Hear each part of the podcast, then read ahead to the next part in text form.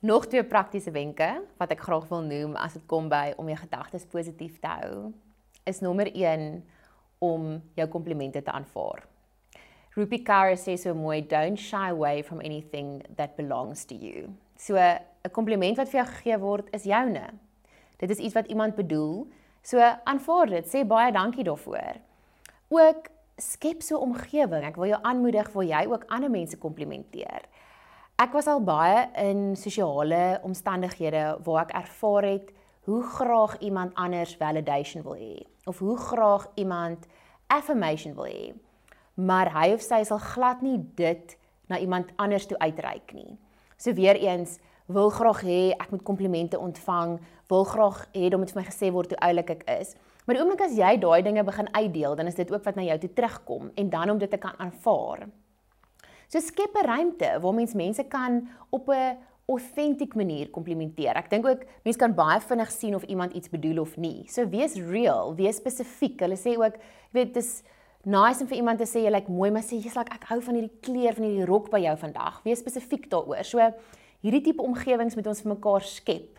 En as 'n kompliment na jou kant toe kom, dan vat hom. En dan ek sê amper pay it forward en dan deel dit sommer weer uit. Gee vir iemand anders ook 'n kompliment. Waarby ek hier wil aansluit is hoe belangrik die mense in jou lewe is. Hulle sê mos you become like the five people you spend the most time with en dit is so ongelooflik waar.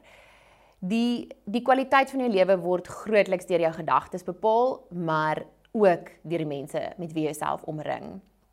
So kies vir jou vriende wat jou aanmoedig. Kies vir jou vriende wat jou ondersteun, wat vir jou veilige spasies kan bied om te kan vulnerable wees en om partykeer net ek wil amper sê um met foute te kan wees en om daarmee te kan sit want dis op die ouene wat weer vir ons selfvertroue bou om om mense te hê wat ons sterker maak op die tye waar ons val of waar ons voel ons is nie op 'n goeie plek nie.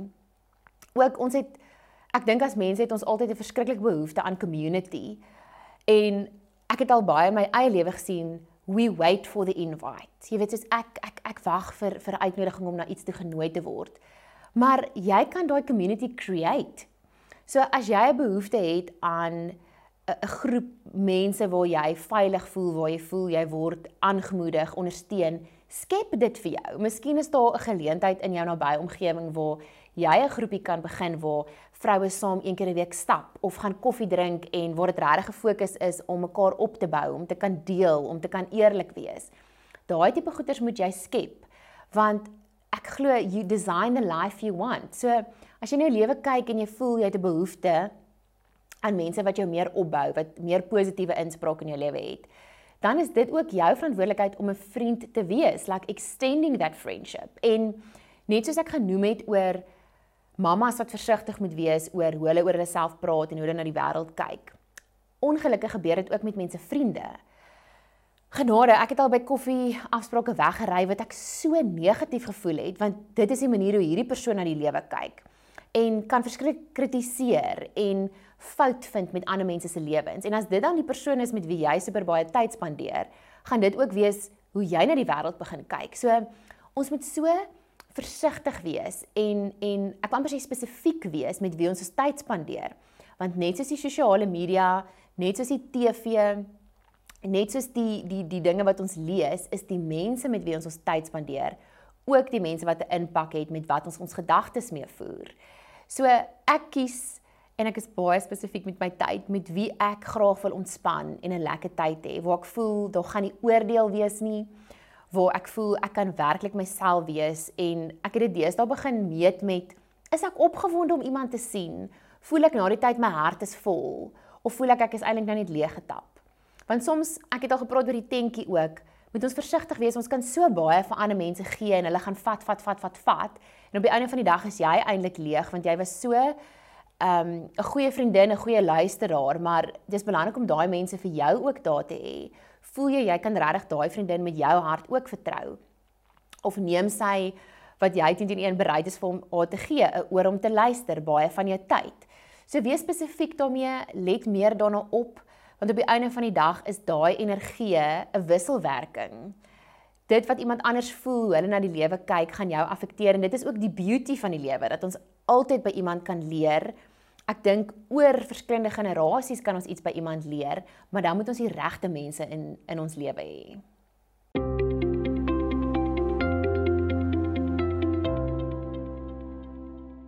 Die krag van woorde. Dit is ongelooflik belangrik om bewustheid in jou lewe te hê op 'n daaglikse basis oor of jy lewe spreek en oor of jy dood spreek. En dit is maar waar die krag van die tong inkom. En ons het al 'n bietjie gepraat oor selfspraak, maar om regtig bewus te wees van hoe jy met jouself praat, so die stemmetjies um, in jou kop en in jou hart, maar ook hoe jy oor jouself praat by ander mense. Is dit goed? Is dit opbouend? is dit regverdig? En dan natuurlik sensitiwiteit rondom hoe mens oor ander mense praat. Is jy negatief, is jy kritiserend, spreek jy eintlik dood oor mense? En dit is so groot verantwoordelikheid wat ons self moet neem. Dit begin by baie onskuldige woorde. En ek wil letterlik sê woorde hoef nog nie eers sinne te wees nie en ek wil sommer net uit my coaching agtergrond bietjie verduidelik oor breinpatrone. So as ons dink aan ek hou daarvan om om te verwys na ons gedagtewêreld as as 'n landskap, 'n emosionele landskap. So kom ons dink aan jou tuin. Hoe gedagtes werk is, hulle begin klein waterstroompies vorm.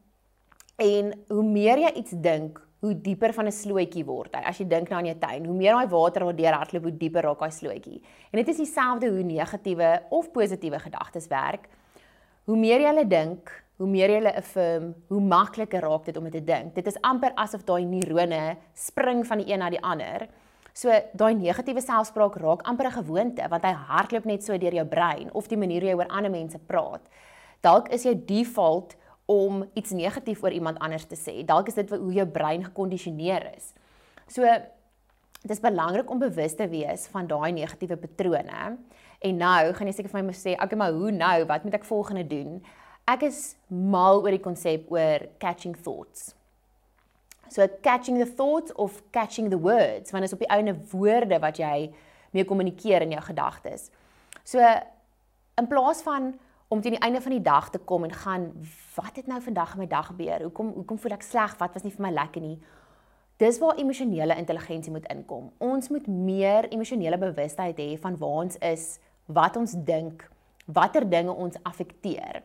So as ons bietjie meer bewus is oor wat deur ons gedagtes gaan en dit nie net deur die dag hardloop en nie bewus is nie, dis nou waar die eet ook nou inkom om net in jou mond in te stop. Dis amper dieselfde soos met gedagtes. As jy hulle nie gaan bestuur nie, dan gaan hulle rond hardloop in jou kop soos mal, amper sê mal hoendertjies. So om hulle te kan vang en te gaan, wat dink ek hier? So as daai negatiewe selfspraak begin van Sê maar ek stap by 'n casting in. Nou sit daar 20 ander verskriklike mooi meisies. Wat is die eerste ding waartoe ek wil gaan?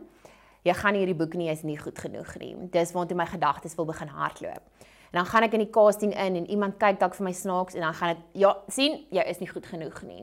En op die einde van die dag stap ek uit en ek ek boek op die einde nie die werk nie en dan is dit hierdie bevestiging van jy is nie goed genoeg nie. Waar die verantwoordelikheid uiteindelik gelê by catching the thought. Vat die gedagte, ek sit daar is hierdie waar? Is ek nie goed genoeg op hierdie oomblik nie of is hierdie alleen wat ek nou vir myself sê? Ons almal het 'n regverdige kans. That is the only thought that it has to be en om dit dan te laat gaan. So in plaas van hierdie gedagtes wat amper op mekaar begin rol, moet ons hulle een vir een kan vang, want is ons verantwoordelikheid om hulle te bestuur. Weereens, iemand anders kan vir jou al die mooiste dinge in die in die in die wêreld sê van jy is goed genoeg, jy gaan definitief vir die job boek. En selfs as jy dit boek dan, gaan jy dalk nog steeds glo jy is nie goed genoeg nie. Hulle praat ons 'n bietjie van imposter syndrome. Jy glo dalk iemand anders was nie beskikbaar nie, dis die enigste rede hoekom jy dit geboek het. So catching thoughts reguleer daai landskap. So as ons nou verder praat oor die oor die metafoor van van jou gedagtewêreld as 'n tuin, die die woorde wat jy gebruik, is it a beautiful place to be in? As jy nou daaraan dink, is dit vir jou lekker om in jou eie gedagteswêreld te wees? Is dit 'n goeie plek? Is dit 'n gesonde plek? Ook dan hoe sal dit vir ander mense wees om in jou emosionele um, omgewing te wees? Partykeer het ons nie daai emosionele bewustheid nie en ons besef nie eintlik hoe ons ander mense affekteer nie want ons het nog nie die introspeksie gaan doen nie. En eintlik is dit dalk glad nie vir mense lekker om rondom jou te wees nie, want jou emosionele landscape represent nie vir hulle plek waar hulle veilig voel nie. So gaan doen daai introspeksie, gaan kyk na daai woorde wat jy gebruik, gaan kyk na wat dit vir jou beteken. Ook miskien moet ons partykeer kyk wat agter dit skuil, waar dit vandaan kom en dit kom terug by daai tema van have you done the work? Want jou seer en waar jy gebroken is, is nie iemand anders se verantwoordelikheid nie. Dit is nie vir hulle die verantwoordelikheid om jou heel te maak nie. Ek het al baie in my aftye as 'n freelancer, as daar nie baie werk is nie, dan sal ek ewe skielik ontevrede voel in my eie verhouding en gaan jy slak maar hy doen nie so baie moeite nie en jy weet hy's nie eintlik nou vreeslik romanties nie. En dan moet ek eintlik besef, dit het niks met hom te doen nie. Hy's presies dieselfde. My internal landscape is ek het nie genoeg purpose op daai oomblik nie. Ek doen nie genoeg meaningful work nie. Maar ons kan verskriklik baie dit outsource, ons ontevredenheid oor hoekom is ons nie gelukkig nie? Nee, dan is dit sommer ons vriende of ons ouers waar ons moet eintlik daai werk self gaan doen. So watse gedagtes het moontlik dan daai tyd in my in my um, kop gehardloop of, of my woorde was jy weet ek is verveeld en hoekom word ek nie vermaak nie? Hoekom word ek nie gewaan en daai nie? En dan moet ek daai woorde en daai gedagtes gaan vang. Definitief en dit nie iemand anders se probleem maak nie. En dit is waar daai emosionele intelligensie kom om meer hoekom te vra, meer introspeksie te doen, meer meer ons gedagtes te bestuur. Net soos ons ons lewe op die eksterne vorm kan bestuur, moet ons ook ons interne wêreld kan bestuur. En ek dink 'n goeie maatstaaf is altyd om te gaan Hoekom sal jy goed oor jouself sê, daai negatiewe uh, selfspraak as jy dit nooit ooit in jou hele lewe vir jou geliefdes sal sê nie? En dan moet mens kan vra, is dit regverdig? Is hierdie negatiewe, wrede goed wat ons eintlik van onsself glo, is is dit nodig? Waar kom dit vandaan? Hieraan moet ek werk sodat ek op die einde van die dag 'n beter selfspraak en 'n positiewe uitkyk oor myself kan hê.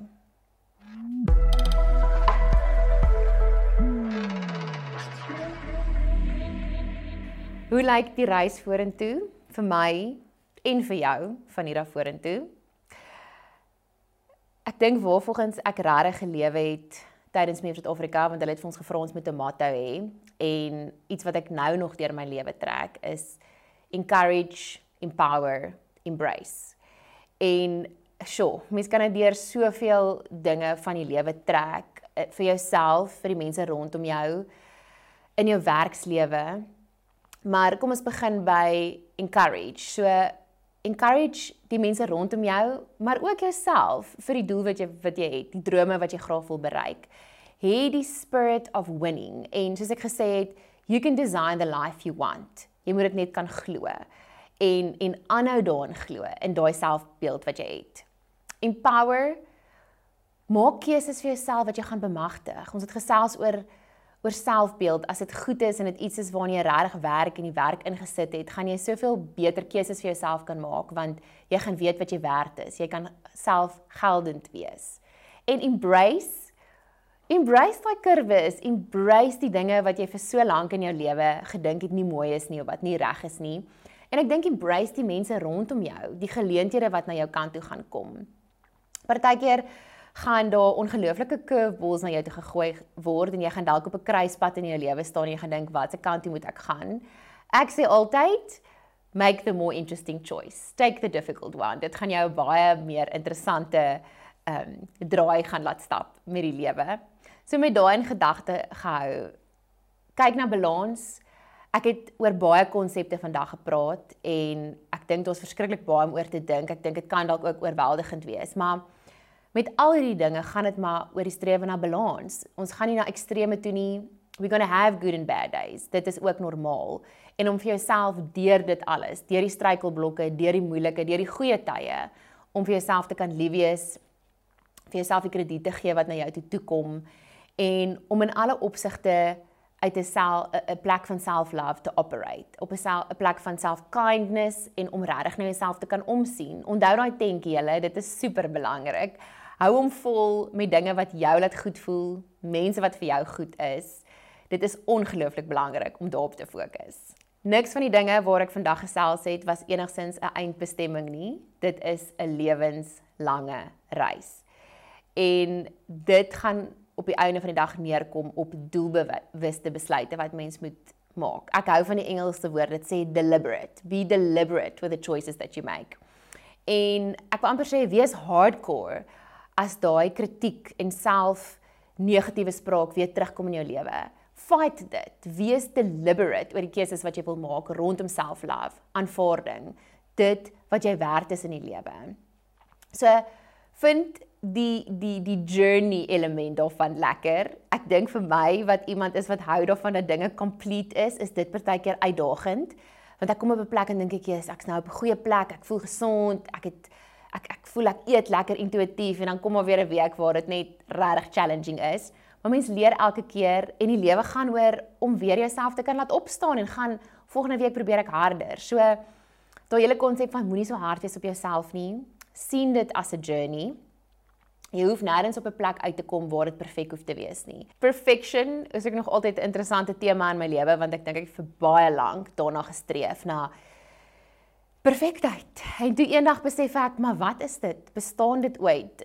Hoe lyk dit? Ek het dalk 'n idee daarvan, maar dit is glad nie vir iemand an, anders perfek nie. So dis waar ek ook so half moes buckle up en gaan. Hierdie gaan 'n journey wees. Ons is nie iewers heen spesifiek op pad nie. Jy moet hierdie dinge deel van jou daaglikse lewe maak. Dit is nie net iets waarna jy vir 'n sekere tyd kan streef nie.